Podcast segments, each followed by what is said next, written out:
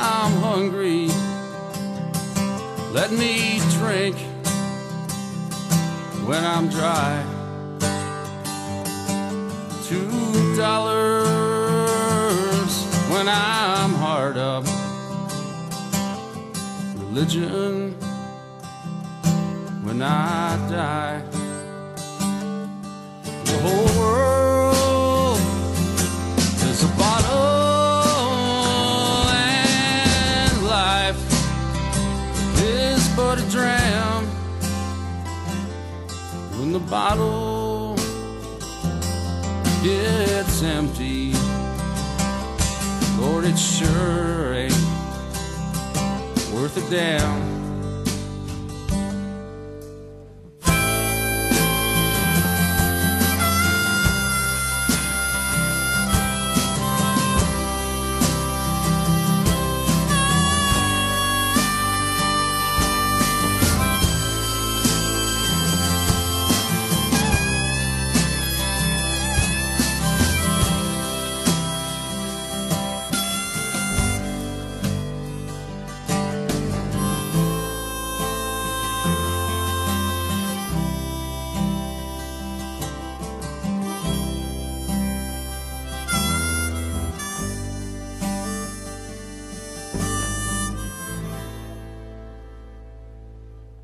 Hey sahabat Bincang Ngopi, jumpa lagi bersama saya, Christian Bagus Anggoro sebagai sahabat ngopi kalian.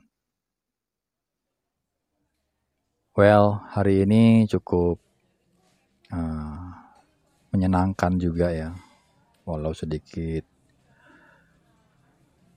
Kesedihan melanda hati dan pikiran selama beberapa hari belakangan.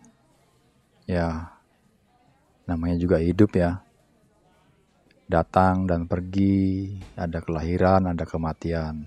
Jadi, dalam sisi dilema kehidupan, kita memiliki perasaan juga menitipkan sebuah pesan terhadap arti sebuah persahabatan dalam lingkungan bekerja, dalam lingkungan keluarga juga. Jadi ada banyak hal yang mungkin saja menyita energi kita, menyita energi perhatian kita semua bahwa ya dalam hidup kita terkadang melakukan sesuatu tidak gitu-gitu aja. So, teman-teman, Barusan kita semua mendengarkan sebuah lagu dari Uncle Tulpelu yang berjudul Moonshiner. Istimewa ya. Kita mendengarkan sebuah lagu yang mungkin teman-teman tidak pernah mendengarkan lagunya. Moonshiner. Kalau kalian bisa melihat di lirik di Google atau di mana pun kalian bisa menemukan lirik-lirik yang sangat istimewa sekali.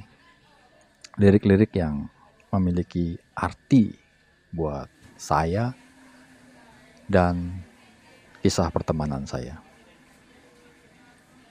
Moonshiner itu adalah sebuah minuman ya buat buat saya dan beberapa teman-teman memang memiliki keintiman yang dari dalam gitu di mana suatu dalam peristiwa saya sebagai pembuat minuman moonshine yang bisa saja teman-teman menikmati, teman-teman dalam lingkungan kekeluargaan saya. Jadi moonshine adalah apa ya? Sesuatu yang yang bisa saya bagikan sama teman-teman saya. Dan di dalam perjalanan itu kita juga meninggalkan cerita ketika kita menikmati bersama. Dan di dalam edisi podcast kali ini, saya memiliki seorang kerabat yang bernama Reza. Seorang pria berbakat, multi-talented, cerdas, dan sangat memiliki sense sangat memiliki taste ya. Kalau teman-teman bisa dengarkan di podcast Bincang Ngopi, Reza adalah orang-orang yang berada di belakang layar yang membantu saya untuk menyelesaikan misi-misi podcast yang selalu saya hadirkan. Dan di lagu pembukaan kenapa harus Moonshiner? Karena ya itu saya bilang tadi bahwa Moonshine memiliki arti saya sama dia pertama kali bertemu dulu di tahun 2014 memiliki cerita ketika saya membuat minuman, menikmati dengan beberapa teman-teman. Ada seorang bocah datang, dikenalkan oleh seorang kawan, katanya kalau lu datang ke sini, lu bakalan enjoy, lu bakalan suka sama apa yang ada di tempat ini, yaitu minuman moonshine. Moonshine mempertemukan saya dengan Reza dan kita juga menikmati bersama-sama sebuah minuman yang sangat istimewa, sangat memiliki arti lah buat saya karena minuman ini tidak dijual belikan secara bebas. Ini adalah minuman di mana persahabatan saya juga berikan harga, saya menghargai sebuah pertemanan dari memberikan sebuah sloki kepada teman-teman saya yang di mana ketika menikmati minuman ini mulut, lidah, tenggorokan, sampai paru-paru tuh berasa terbakar. so inilah kisah bahagia ketika saya bertemu dengan Reza. Di luar dari banyak hal yang saya bertemu dengan dia, kita melakukan pekerjaan bersama, ya banyak hal yang saya nikmati bersama dia. Dan kenapa di edisi podcast ini adalah tema tentang Reza, Hari ini di tepat di mana saya membuat podcast dalam rekaman ini adalah hari di mana Reza sudah berpulang ke pangkuan alam semesta, dia sudah bergabung ke dalam kesunyian yang tidak ada batasnya, kemerdekaan dan kebahagiaan tentunya juga ada di sana. Jadi ketika saya membuat podcast ini ada dejavu tersendiri buat saya. Ketika 8 hari yang lalu dari setahun yang lalu saya memiliki seorang teman ya sahabat. Mungkin belum terbit di podcast Bincang Ngopi saya menceritakan sebuah kisah di mana saya memiliki seorang sahabat dua sahabat saya yang sudah pergi lebih dahulu karena kecelakaan berkendara sepeda motor ya. Jadi di di cerita ini ini memiliki hal yang serupa. Ketika 8 hari yang lalu saya membuat podcast belum sempat diedit, belum sempat terbit, tapi hari ini saya merekam lagi ini, saya membuat record podcast Bincang Ngopi berasa dejavu karena saya mengalami peristiwa yang hampir sama. Reza mengalami kecelakaan tiga hari yang lalu mengendari sepeda motor karena lelah tubuhnya, pikirannya memiliki beban, tanggung jawab yang harus diselesaikan sangat banyak dari pekerjaan-pekerjaan dan dilema-dilema yang ada dalam keluarga mungkin saja. Ditambah dengan menikmati minuman beralkohol dan mengendari sepeda motor dengan tanpa responsibility juga.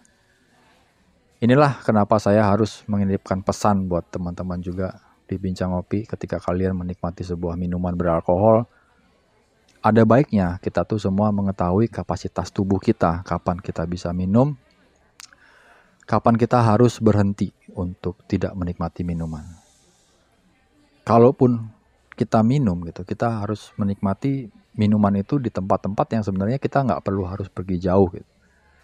Tidak harus pergi berkendara lagi untuk pulang gitu. Ada baiknya kita tahu kapan kita harus minum dan kapan kita harus tidak. Tidak harus tiap hari juga inilah yang terjadi dilemanya ya saya tahu bahwa firasat itu selalu ada selama berapa minggu sebelumnya saya sudah membuat edisi podcast yang sebenarnya sudah menyebutkan ini hal yang belum saya ketahui hal yang belum saya pahami tapi sudah saya sebutkan di podcast saya di edisi-edisi sebelumnya bahwa entah kenapa ini terjadi gitu. Dan ya sudahlah namanya hidup kita nggak pernah tahu walaupun saya harus merasa kehilangan kembali. Saya harus merasa sedih, saya kehilangan salah seorang teman yang baik, yang istimewa. Jadi entahlah ya, dua hari yang lalu sebelum Reza kecelakaan dan meninggal, saya dia datang ke sini gitu. Entah kenapa entah gimana saya biasanya kan sudah tidur pagi-pagi. Jam 2 gitu sudah tidur tapi si Reza WhatsApp saya jam setengah satu dia tanya saya sudah tidur belum gitu. saya bilang ya saya belum tidur gitu. jadi dia izinkan dia mau meminta izin untuk datang kemari aku ke sana ya main mas ya gitu. tumben lu mau datang jam segini biasanya kan jam 10 atau jam 11 ya udah kalau emang lu nggak bisa tidur lu datang aja ke sini kita ngobrol-ngobrol sekalian kita discuss soal project gitu walaupun belakangan ini saya ada melakukan project tertentu untuk beberapa ada beberapa usaha yang memang akan kita buat konten-kontennya. Kita bekerja sama si Reza yang bagian editornya dan saya sebagai produser. Ya terpaksa juga harus terpending dulu karena uh, belum memang belum jodohnya juga. Karena mau walau gimana pun Reza adalah orang terdepan buat saya karena dia adalah editor taste-nya mungkin akan susah saya dapat yang seleranya tuh bisa hampir sama sama saya jadi ya mungkin ada baiknya ini sudah tidak dilanjutkan kembali proyeknya ya saya anggap yang sudah ya sudahlah jadi Gak penting juga kan itu hanya sebuah proyek pekerjaan yang mungkin bisa saya ganti kapan saja datang kembali dengan proyek-proyek lainnya. Tapi sesuatu yang sudah hilang, yang ada rasanya di dalam itu, yang sudah nggak ada, yang nggak mungkin bisa kembali lagi kecuali perasaan-perasaan, memori yang ada, yang melekat sama saya, dan sama energi-energinya yang sudah diciptakan di ruangan kerja ini ataupun di ruangan-ruangan sebelah ataupun di ruangan-ruangan teman-teman yang juga teman-teman Reza yang ada. Kalian masih bisa menarik energi itu untuk kembali merasakan sebuah kenangan indah ketika kita berkawan, ketika kita bercanda, ketika kita melakukan apa pun dengan teman-teman kalian yang sudah tidak ada tentunya. Kita semua masih bisa merasakan sesuatu yang indah bersama-sama. Jadi entah kenapa pada malam itu dia datang, entah kita ngobrol-ngobrol, aku lanjut kerja dulu ya, aku mau buat kerjaan. Oke, nggak apa-apa, dia lanjut kerja sebentar ngobrol-ngobrol. Mas, gue mau mau record ya podcast, boleh nggak? Boleh. Kok tumben lu pengen podcastan sih? ya nggak apa-apa. Terus gue set up mic, recording, dan nggak biasanya gitu nih anak ngomel-ngomel sendiri dia mencurahkan bukan perasaan ya bukan perasaan curhat apa ya mencurahkan keinginan dia membuat sesuatu dalam bentuk drama komedi gitu dan tumben-tumbennya dia bisa lancar berbicara tentang komedi tanpa skrip jadi ada file legacy peninggalan dia di podcast Bincang Ngopi kalau teman-teman bisa dengar di Unfaidah Talking, ada beberapa dibuat sama Reza karena memang program Unfaidah Talking itu Reza dan UK. Dan di beberapa edisi sebelumnya saya sempat juga buat take record sama Reza, ada dari Tanjung Priuk, ada dari tentang Unfaidah Talking yang pertama gitu. Ada di situ jadinya ya dia sempat meninggalkan legacy di podcast Bincang Ngopi sebagai orang-orang yang hidup tetap akan hidup selamanya di podcast Bincang Ngopi. Jadi di komputer itu masih ada take record 8 8 recording ya, 8 8 konten komedi yang ada di sana. Yang sempat di record yang akan saya terbitkan juga sebagai sebagai kenang-kenangan buat saya, kenang-kenangan buat seseorang yang ditinggalkan supaya bisa didengarkan dan menghapus kerinduan menjadi obat penyembuhan buat orang-orang yang rindu ditinggalkan tapi bukan dengan memori perasaan yang sedih tapi dengan perasaan yang gembira. Karena Reza membuat rekaman dengan membuat tema komedi dan dia lucu di situ. Sempat menyinggung beberapa uh, ornamen. Tapi sudahlah tidak mungkin saya edit. Saya akan hadirkan di podcast Bincang Ngopi. Di entah di edisi keberapa. Jadinya ya buat teman-teman yang mengenal Reza yang juga menjadi sahabat ngopi saya kalian bisa mendengarkan dia tetap berbicara kalian bisa dengarkan dia berbicara kapan pun kalian mau kalian bisa download di suaranya kalian bisa simpan di dalam memori handphone kalian sebuah edisi podcast yang menjadi legacy buat dia karena dia sudah menjadi legend legenda ya buat saya dia meninggalkan sesuatu buat saya, sebuah legacy, sebuah audio, sebuah cerita tentunya. Jadi Reza terakhir datang ke sini sebelum dia pergi, sebelum dia ya berpulang ke rumah Tuhan.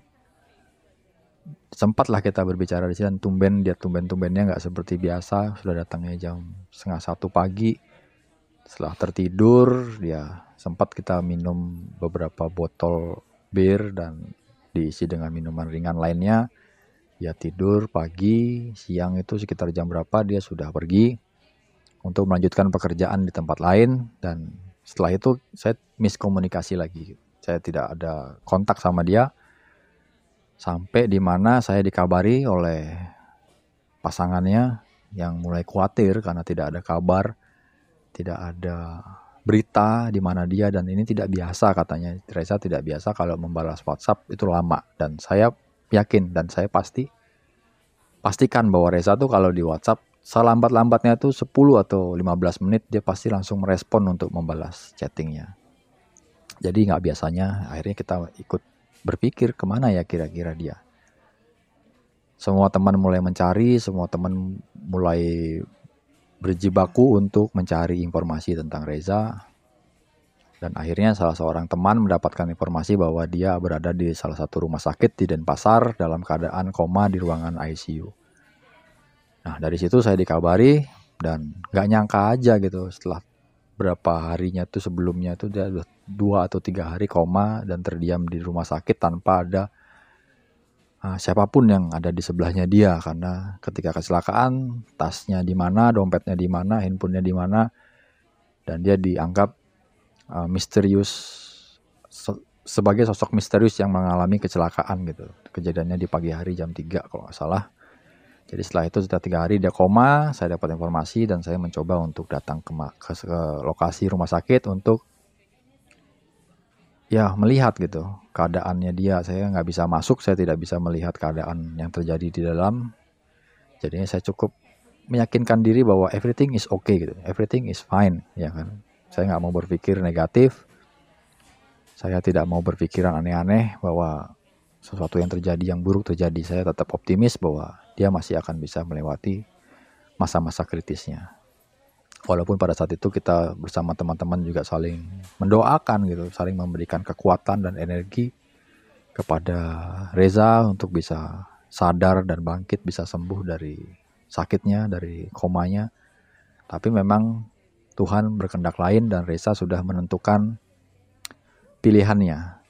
Pilihannya bahwa dia mungkin ya sudah dia harus pulang gitu dan saya ya cukup kaget juga tadi pagi saya dengar karena kemarin saya cukup begadang juga saya begadang jadi tidurnya agak pagi dan siang harinya saya bangun jam 9 saya lihat ada pesan masuk dari pasangannya mengatakan bahwa Reza sudah berpulang gitu. Oke okay lah. Dah dari situ ya mulai berpikir, mulai banyak apa ya, mulai banyak pikiran yang aneh-aneh yang saya harus tangkis, yang harus saya hijack bahwa ya saya harus kuat gitu walaupun saya sebenarnya tidak ikhlas dia pergi gitu karena memang saya masih ingin melihat sosoknya dia itu menjadi orang yang bisa sukses gitu. Sampai tua nanti mungkin ketika kita bertemu lagi kita bisa bercerita tentang hidup di, di masa di mana masa remaja kita kita pernah bekerja sama, kita pernah nakal bersama, kita pernah ingin melakukan banyak hal bersama. Ya akhirnya ya terputus sampai di sini. Ya buat saya ikhlas dan antara ikhlas dan tidak gitu. Jadi sampai di mana setelah selesai tadi pagi eh tadi siang menuju sore saya ke sana langsung dibawa untuk dikebumikan di di kampung halamannya di Pulau Jawa di Jawa Tengah. Dari sana ada perasaan yang memang benar-benar saya sudah harus melepaskan perasaan saya bahwa benar-benar yakin dia tidak akan bangun lagi gitu karena saya sudah melihat dia sudah terbaring dan ditutup peti Oke, okay, oke, okay, is okay. Saya sudah ikhlas. Dan tadi siang gitu, ketika siang hari saya bekerja sebelum saya pergi ke rumah sakit, ada perasaan tiba-tiba saya pingin uh, memutarkan sebuah lagu yang tadi awal kali kita dengar bersama adalah Moonshiner. Itu adalah lagu yang terkadang saya putar sama dia kalau saya minum moonshine sambil menceritakan lirik-liriknya. Lirik-liriknya sangat gimana ya sangat keren seorang moonshiner yang yang ya pokoknya kita selalu mendengarkan musik itu sambil enjoy meminum minuman moonshine itu saya putarkan tadi di awal buat teman-teman yang mungkin juga suka dengan lagu Moonshiner dan mungkin ingin tahu liriknya lebih jauh lagi kalian bisa searching di Google kalian lihat lirik-lirik yang dibuat itu buat saya cukup cukup keren. Bagaimana orang hidup day by day dengan menikmati sebuah minuman. Lalu riding dan die oh die young gitu. Crazy ya. Tiba-tiba saya tadi dengar saya lagi kerja ngerosting kopi. Saya dengarkan itu aku bilang oke okay, sa ini permintaan lu. Tiba-tiba list Spotify ku tuh bergerak sendiri dengan lagu itu terputar gitu. Oke okay ini momen lu. Momen lu mau lu hijack lah. Perasaan gue momen lu datang dari situ saya mulai sedih saya mulai menangis bahwa saya mengingat lagi semuanya sambil merosting kopi. Untungnya kopinya nggak gosong ya. Saya berhasil merosting dengan baik. Saya mendengarkan musik itu. Lalu ada perasaan seperti uh, melihat ke belakang gitu ketika kita seorang fans fanatik uh, Star Wars gitu dulu ketika persamaan yang menemukan saya sama Reza pertama kali bertemu di 2014 ya karena Star Wars gitu. Dikenalkan teman, minum, akhirnya kita bicara tentang Star Wars. Kita bercerita bercerita tentang tentang toys, tentang movie, tentang karakter-karakter yang ada di Star Wars. Akhirnya kita cocok gitu. Seperti seperti ada bonding tertentu lah sama ini bocah ya. Saya dan ya gimana ya uh, karena memiliki perasaan sama-sama suka Darth Vader, kita tuh pengagum Lord, Lord Sith ya, Dark. Kita tuh lebih condong ketika menyukai Star Wars itu lebih ke arah Dark Force karena kita kaum hitam ya, Shadow of People. Jadinya saya kehilangan anggota Lord Sith lagi gitu. Kita kehilangan anggota Sith di antara teman-teman saya yang lain yang pengagum Dark Force ya, sisi gelap dari Force telah hilang lagi satu dan di mana hanya saya sendiri sebagai Lord Sith yang tetap ada di sini yang kenangan itu bisa menjadi berkah buat saya dan bisa menjadi kutukan buat saya karena saya terus mengingat banyak hal yang di dunia ini terjadi tapi sebagai pembawa memori itu hidup bersama saya So I am the last of Lord Sid, sitting here with my friend Bobby, and I talk about Star Wars because Reza is going wild with Star Wars. Terkadang ketika kita minum dulu, saya ingat pada tahun 2015 atau 2016 ketika saya minum sama dia mabuk gitu kan. Saya anak saya punya lightsaber. Kita main pedang-pedangan kita main lightsaber berdua pak pak pak pak pak pak gitu. Kayak anak kecil pokoknya. Tapi itulah Star Wars buat kita ada di dalam hati saya juga Star Wars dan ada di hatinya Reza. Ketika kami adalah kaum Lord Sith saya mempunyai keyakinan bahwa dia akan hidup. Dan ketika dia bisa bertahan hidup mungkin saya akan ceritakan sama dia ketika di dalam ruangan ICU saya membayangkan dia tertidur pulas dengan alat-alat yang tertempel di tubuhnya yang selang-selang masuk ke dalam mulutnya saya membayangkan bagaimana Anakin Skywalker ingin merubah dirinya menjadi Darth Vader saya membayangkan itu saya mengatakan bahwa rise my Vader rise Tapi memang Darth Vader nggak mau hidup lagi. Dia tetap ingin kembali menjadi Anakin tentunya. Sama seperti beberapa tahun belakangan dia ingin memangkas rambutnya, memanjangkan rambutnya dan membuat kepangan seperti Anakin Skywalker. mungkin kalau lu yang dulu mungkin lu bisa kayak gitu Zak. Lu tuh sekarang sudah jadi bos tambunan. kalau lu kepang nanti jadinya Asterix and Obelix kalau sama Bobby kalau lagi jalan. Jadinya ya itulah Star Wars buat saya dan Reza. Ketika dia datang, saya mempunyai koleksi Darth Vader ya, Darth Vader Star uh, uh, action figure tentunya saya pajang di kamar saya. Dia selalu ngeliatin terus itu Darth Vader. Bilangin, "Wah, buat gua ya." Jangan dulu, yang ini koleksi tar dah. Gua gue cariin Darth Vader yang lebih bagus gitu. Janganlah itu aja. Ah entah. Ini kalau Wulan denger ini pasti paham waktu dia pegang-pegang Darth Vadernya.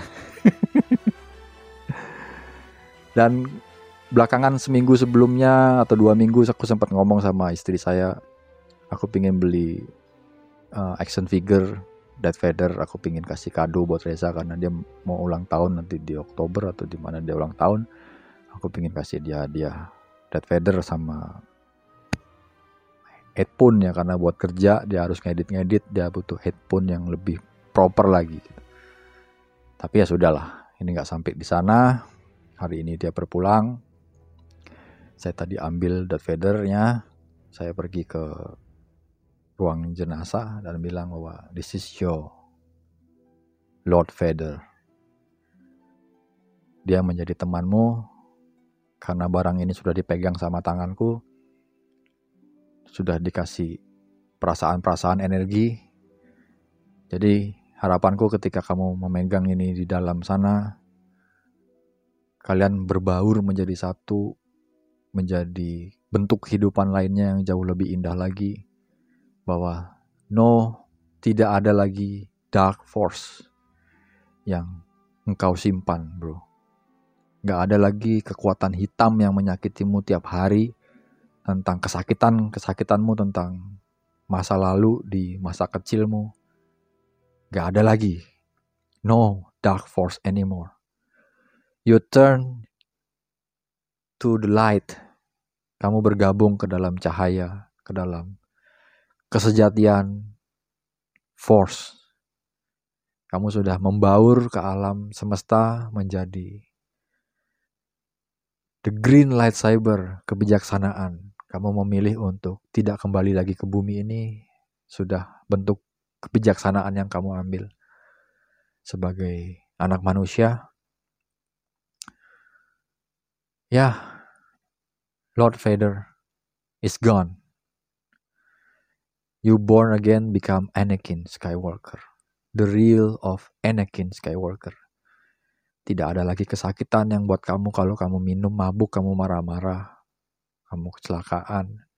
Berkali-kali kamu marah, kamu pingin mukul-mukul banyak barang.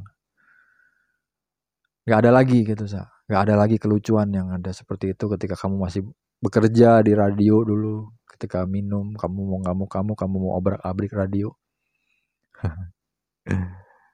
Rebel banget sih. Jadi Dark Force sudah sirna. Dan kamu kembali lagi menjadi the true one of Anakin Skywalker. Sebuah memori ya, sebuah kenangan buat aku yang bisa aku simpan selamanya, yang aku hadirkan di podcast Bincang Ngopi ini untuk dibagikan. Bahwa banyak sekali kenangan saya bersama Reza. Karena pertemuan kita bukan cuma sehari, dua hari, sekali, dua kali, tiga kali. Kita bergaul bertahun-tahun. Dengan intens juga bertemu, bercerita, meninggalkan pesan, juga meninggalkan banyak kenangan ya. Ada banyak janji yang belum saya tepati ketika kamu masih ada. Salah satunya pergi ke Candi Dase bersama teman-teman untuk bertemu dengan Om Wali. Kita berpikir Om Wali ketika serangan jantung, mungkin Om Wali yang akan dipanggil terlebih dahulu gitu saya ketika kita ngobrol di sini. Ayo Om, nanti aku main ke sana. Ayo mas, kita ke Candi Dasa. Om Wali habis operasi jantung yang dia bilangin dia masih tetap bertahan. I will survive. Gitu. Ternyata ketika kita mau pergi ke sana, mungkin aku akan bertemu dengan Om Wali dengan cerita yang berbeda karena ceritanya sudah pasti berbeda. Karena ternyata dirimu sendiri yang malah pergi terlebih dahulu. Dan di dua minggu yang lalu aku memposting sebuah story di WhatsApp tentang moonshine. Moonshine telah tiba. Mari berkumpul semua teman-teman. Lu orang yang pertama komen di sana, lu balas WA. Satu botol dong gue booking bang. Karena eksklusif gue nggak mau kasih sama lu sebelum waktunya yang tiba kita kita di dasar. Tapi itu menjadi janjiku juga. Aku belum bisa kasih. Tadi aku Siapkan khusus satu botol untuk dirimu dikirim ke sana juga. Itu hanya simbol, bukan yang bisa kamu nikmati lagi kembali, yang bisa punya cerita tersendiri, tapi ya sudahlah. I own you, Za. Gua berutang budi sama lu. Dirimu mungkin adalah seseorang di masa lalu yang pernah hidup kita bersinggungan di kehidupan yang berbeda Mungkin saja ketika kita kecil dulu kita pernah berjumpa dalam satu dimensi yang yang ada di mana karena mungkin saja. Karena ketika kamu kecil kamu akan kamu bermain ke Pulau Bali dengan orang tuamu. Dan di mana keluargamu juga salah satu seseorang yang aku kenal gitu. Ternyata salah satu bibimu adalah orang yang aku kenal sudah jauh lama sebelumnya bertahun-tahun yang lalu. Sejak aku kecil aku udah kenal sama bibimu dan surprise juga ketika hari ini juga bertemu di tempat yang sama aku bertemu dengan seseorang yang sudah mengenal jauh orang tua aku juga itu berasal dari keluargamu dan berasal dari keluargaku kita udah saling bersinggungan kalau saja kita bertemu tahu bibimu itu adalah kerabat ayahku gitu. Mungkin cerita kita makan lebih lebih edan lagi gitu. Tapi ya sudahlah namanya sebuah kehidupan ya. Ada kelahiran, ada kematian. Tapi di tengah-tengahnya itu selalu kita berpikir apa yang mau kita buat. Kelahiran tuh pasti, kematian itu pasti. Tapi sebelum itu tiba, ya sudahlah. Kita nikmati kehidupan ini hanya sekali yang di mana orang pergi dan datang dengan cepat. Selagi kita masih bisa bernafas hari ini, kita harus berterima kasih sama Tuhan. Tiap hari kita bangun pagi, kita ucap syukur. Kita masih bisa menghargai sebuah kehidupan dengan melakukan segala sesuatu tuh baik untuk kebaikan untuk banyak kepentingan orang-orang juga untuk hidup kita sendiri. Jadi nikmati hidup yang cuman sekali ini, one show ticket kita beli, lahir dan mati. Nggak ada lagi yang lain. Pesanku ya cuma satu itu aja buat teman-teman yang menikmati alkohol. Aku sudah banyak melihat kejadian buruk dengan alkohol ketika kalian berkendara sepeda motor. Wise, bijaksana ketika minum kita nggak tahu kan apa yang terjadi. Orang bilang mau mati bisa aja dengan cara apa. Tapi paling tidak kita menjaga menikmati sesuatu itu dengan cara-cara yang tahu di mana kapasitas kita. Jangan kita push. Jangan kita lewati batasan-batasan hidup kita gitu. Yang tahu cuman diri kita sendiri, yang tahu cuman tubuh kita. Dia ingin berbicara sama kita, ya sudah. Kalau kita bilang enough, enough is enough. Cukup. Jangan dipaksain. Jangan buat kekuatan hitam itu menarik pusara pikiranmu untuk membuat kamu lebih kuat lagi menikmati banyak tegukan minuman alkohol untuk bisa menyakiti dirimu, untuk menghancurkan hidupmu. Jadi menikmati harus dong. Tapi menghancurkan jangan. Tadi siang saya mencoba saya membuat sebuah postingan sebuah status Facebook ya di Facebook saya buat di laman tentang Reza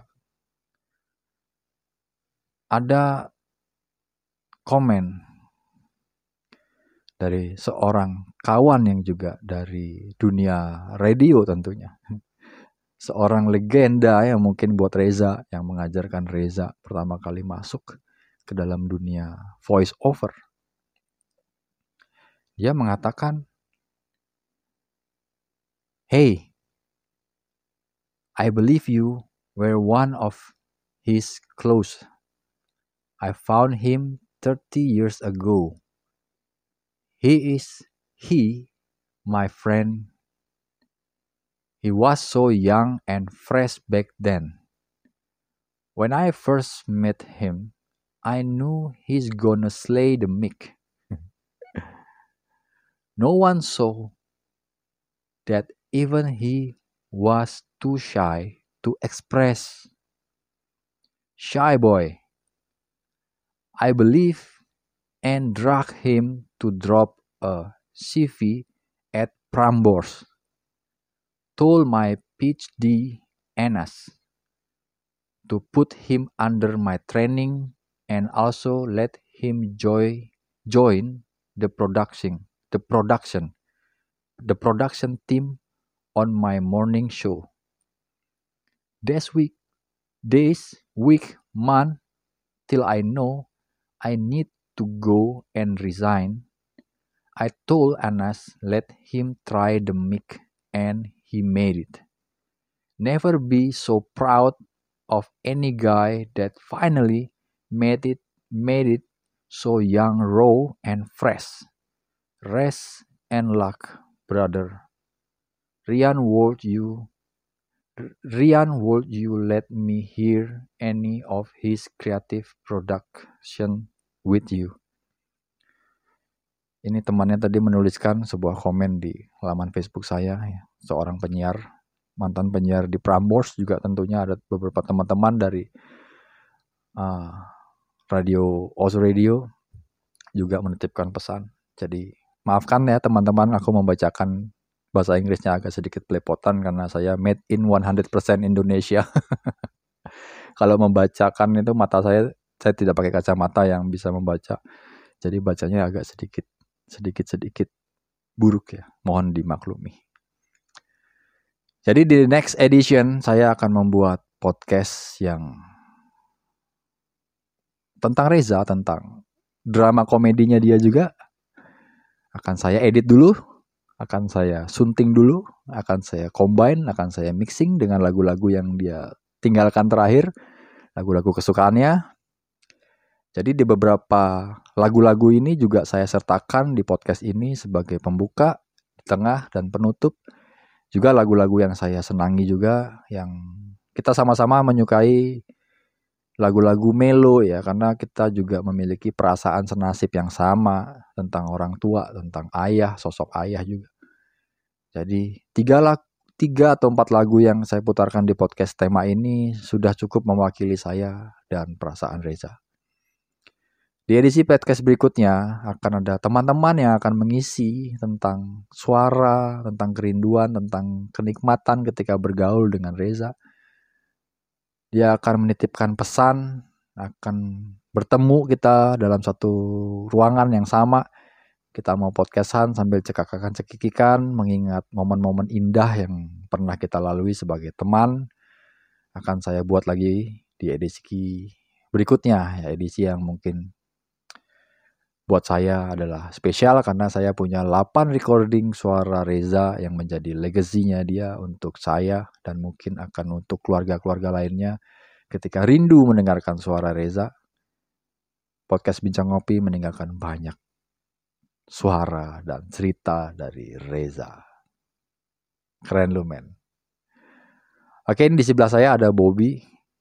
Bobby juga teman dari Reza, kita juga pernah berkumpul dalam satu lingkaran yang sama. Jadi Bobby juga ingin membuat uh, sebuah cerita ya, membuat dia punya cerita juga sama Reza. Jadi Bobby ingin mengutarakan sebuah kisah tentang pertemanan dia dan Reza dan tentang kita juga kita karena kita satu lingkaran. Jadi over the mic with Bobby Sukandar yang sering disapa Bobby Cepol. Ya, tapi sebelum Bobby berbicara, mari kita dengarkan sebuah lagu yang keren yang buat saya dan Reza juga suka. Teman-teman mungkin saja bisa juga senang.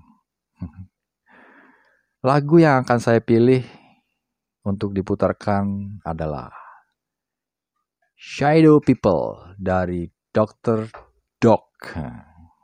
Buat teman-teman di Bincang Ngopi, selamat mendengarkan sebuah lagu, sebuah peninggalan dari saya untuk menghargai sebuah persahabatan antara saya, Reza, dan keluarga Bincang Ngopi.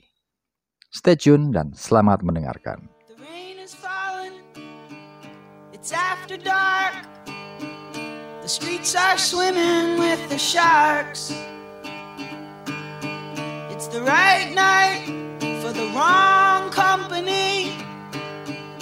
And there ain't nothing around here to look at. Move along.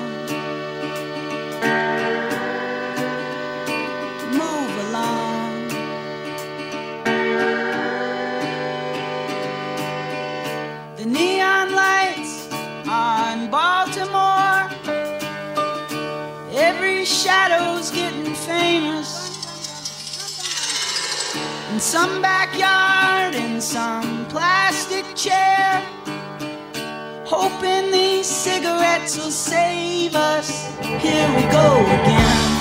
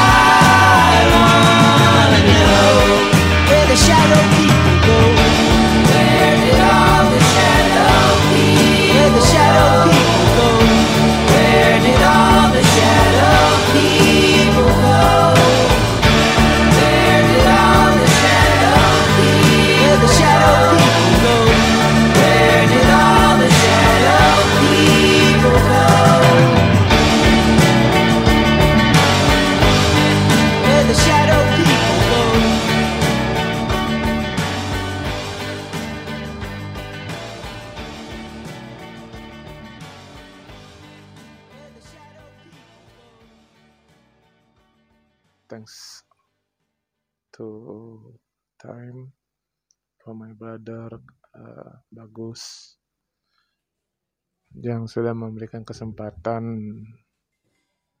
saya untuk berbicara di uh, podcast Bincang Kopi pada malam hari ini menjelang subuh. Hari ini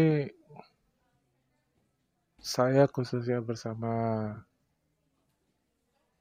uh, Bagus sangat-sangat merasa kehilangan suatu sosok yang yang menurut saya dia adalah satu sosok yang sangat multi multi bagi saya tuh dia bukan bukan seorang bocah. Malah saya menganggap saya saya menganggap dia itu adalah suatu leader bagi saya. Dengan rentan umur yang sangat jauh. Kurang lebih saya dengan dia itu kurang lebih hampir 9 tahun berbeda. Dan hari ini spesial and dedicate for you Desa. Rest in peace. Semoga apa yang kamu cita-citakan, apa yang kamu apa yang kamu sudah bagi, aku akan berusaha bisa mewujudkannya apa pun itu. Rest in peace, my, my bro, my brother. Sangat-sangat terpukul. Cuma saya percaya Tuhan itu punya kehendak lain. Dan saya percaya yang terbaik bagi Resa, bagi semuanya, bagi keluarga, dan juga bagi Wulan yang selama ini mendampingi.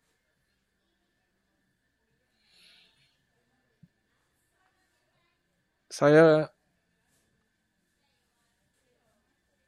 kalau boleh menceritakan sedikit, saya bertemu dengan Reza itu kalau tidak salah 2015.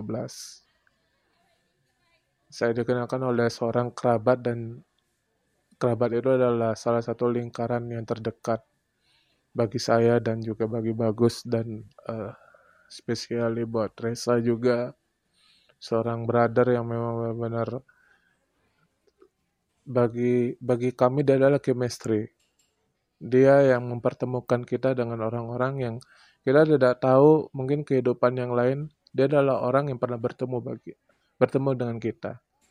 Tapi dia adalah dia adalah seorang chemistry yang ini bro, gue punya teman, ini gue punya ini, kenalin.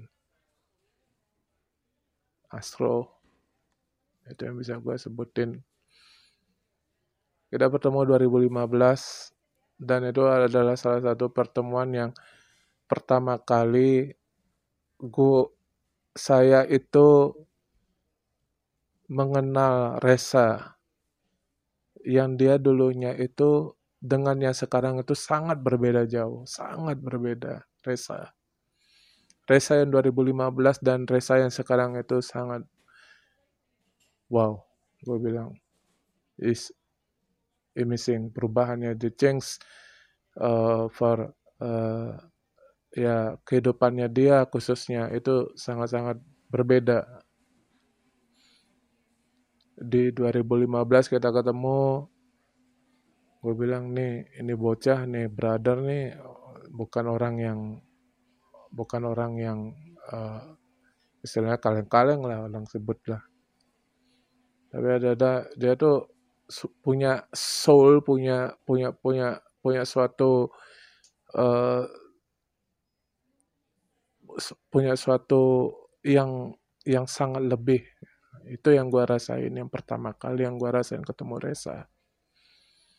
Kita ketemu ngobrol dan ya saya sendiri sih uh, beberapa kali ketemu dengan dia dan sempat lost kontak juga dan akhirnya ketemu lagi di tahun 2021 eh, dengan salah satu wadah eh, yang ada di Bali.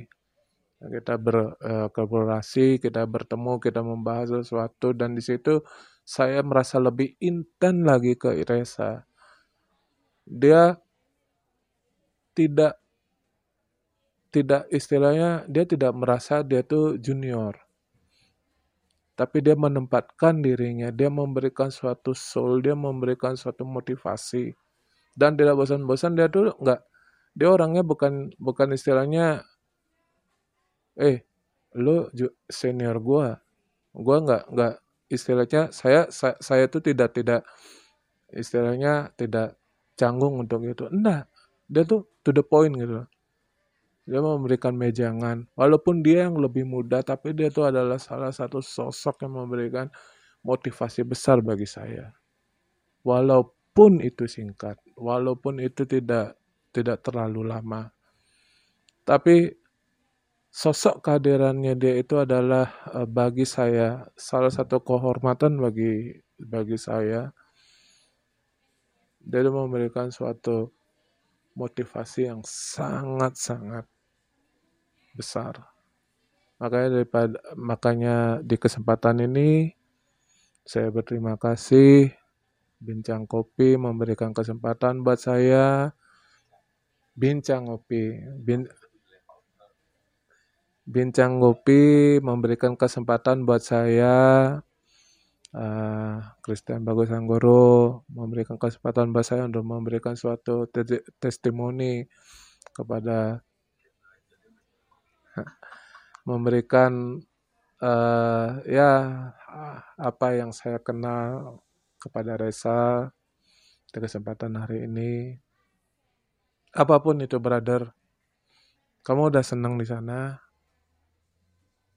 Apa pun yang kamu tinggalkan, uh, responsibility, tanggung jawab yang kamu ataupun yang kita sama-sama belum bisa kita capai. Uh, aku cuma bisa berdoa kamu tenang di sana dan kamu itu tetap memberikan spirit bagi kita walaupun kita berbeda dimensi. Saya tetap ataupun sampai sekarang saya merasa dia tuh masih ada di dekat saya.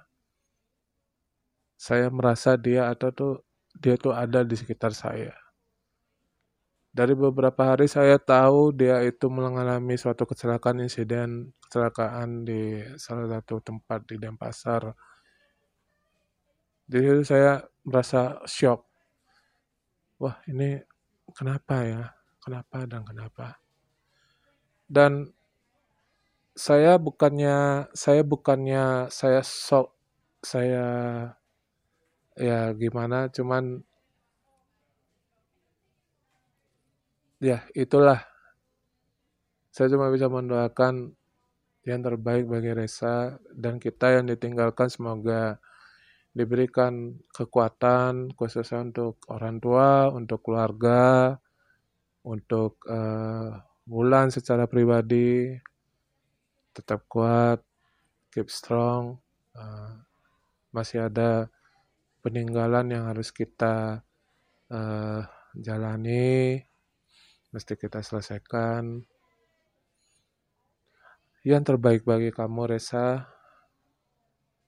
Dan tadi dia membuka ya brother bagus menceritakan sedikit tentang Monsian. Monsian, ah, Monsian itu adalah kalau saya sendiri Monsian itu adalah suatu minuman yang membuat saya itu wow is amazing.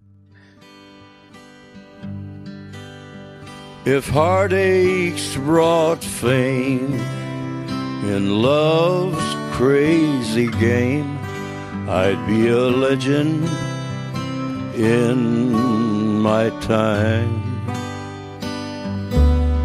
If they gave gold statuettes for tears and regret, I'd be a legend in my time. But they don't give awards, and there's no praise or fame for hearts that are broken, for love that's in vain. If loneliness met world acclaim, everyone would know my name. I'd be a legend in my time.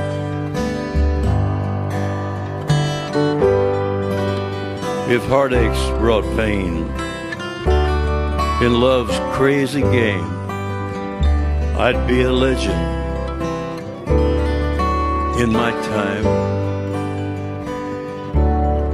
If they gave gold statuettes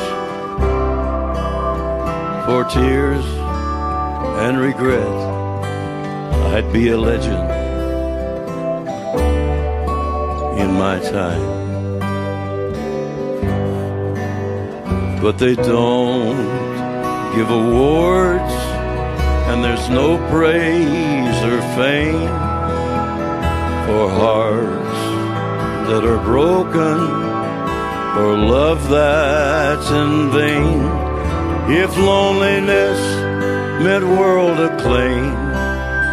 Everyone would know my name. I'd be a legend in my time.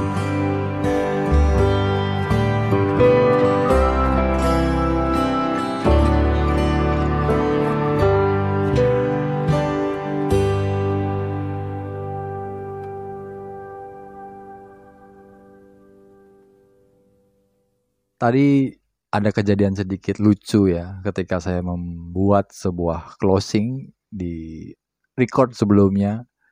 Saya tidak melihat grafik yang ada di komputer, jadinya saya nggak terlalu ngeh gitu. Ternyata hasil recordingnya itu semua suaranya itu eh, seperti radio habis, seperti siaran radio yang sudah habis gitu. Setelah saya selesai recording, saya dengarkan kembali, wow kok jadi begini suaranya gitu radio habis gitu setelah itu ya apa yang saya omongkan tadi karena kita bicaranya itu tidak pakai uh, teks tidak pakai skrip. Jadinya ya saya mengalir saja. Saya take record lagi rekaman ini untuk membuat closing penutupan buat Reza tentunya. Karena Reza tadinya saya buat closingnya berbicara tentang suatu energi gitu tentang sesuatu yang dihadiahkan kepada saya.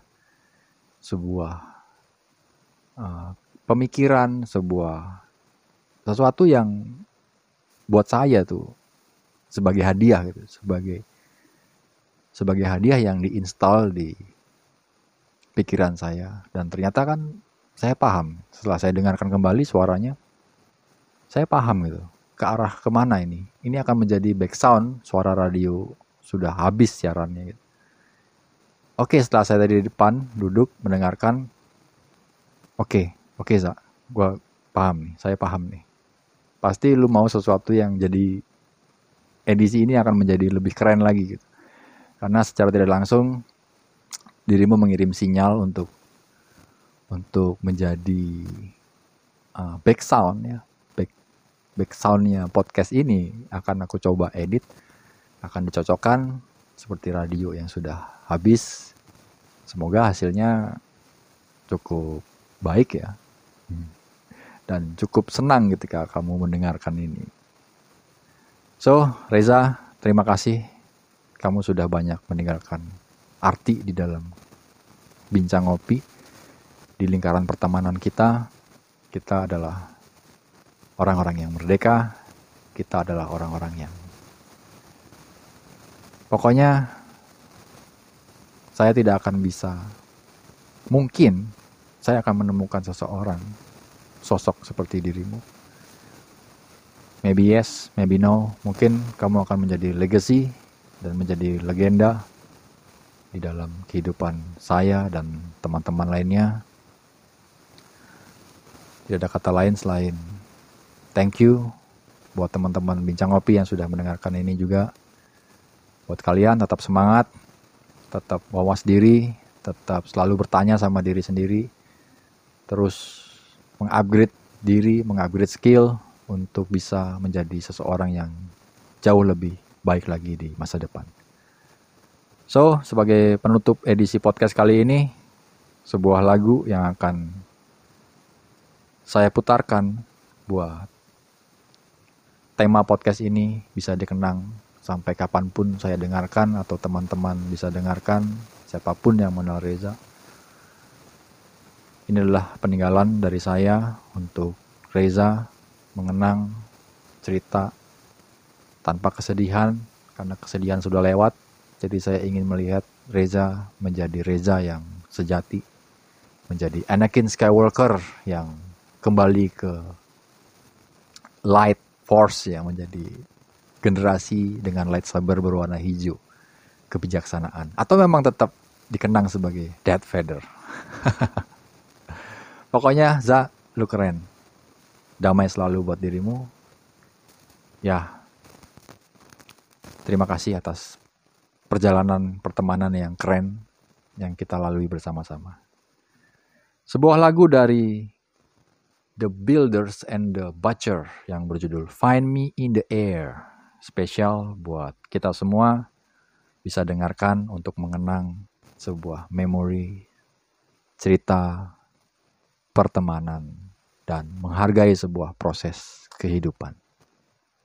Dengan saya di sini Christian Bagus Anggoro sebagai sahabat ngopi kalian selalu dan selamanya. See you dan sampai jumpa God bless you all. Dada.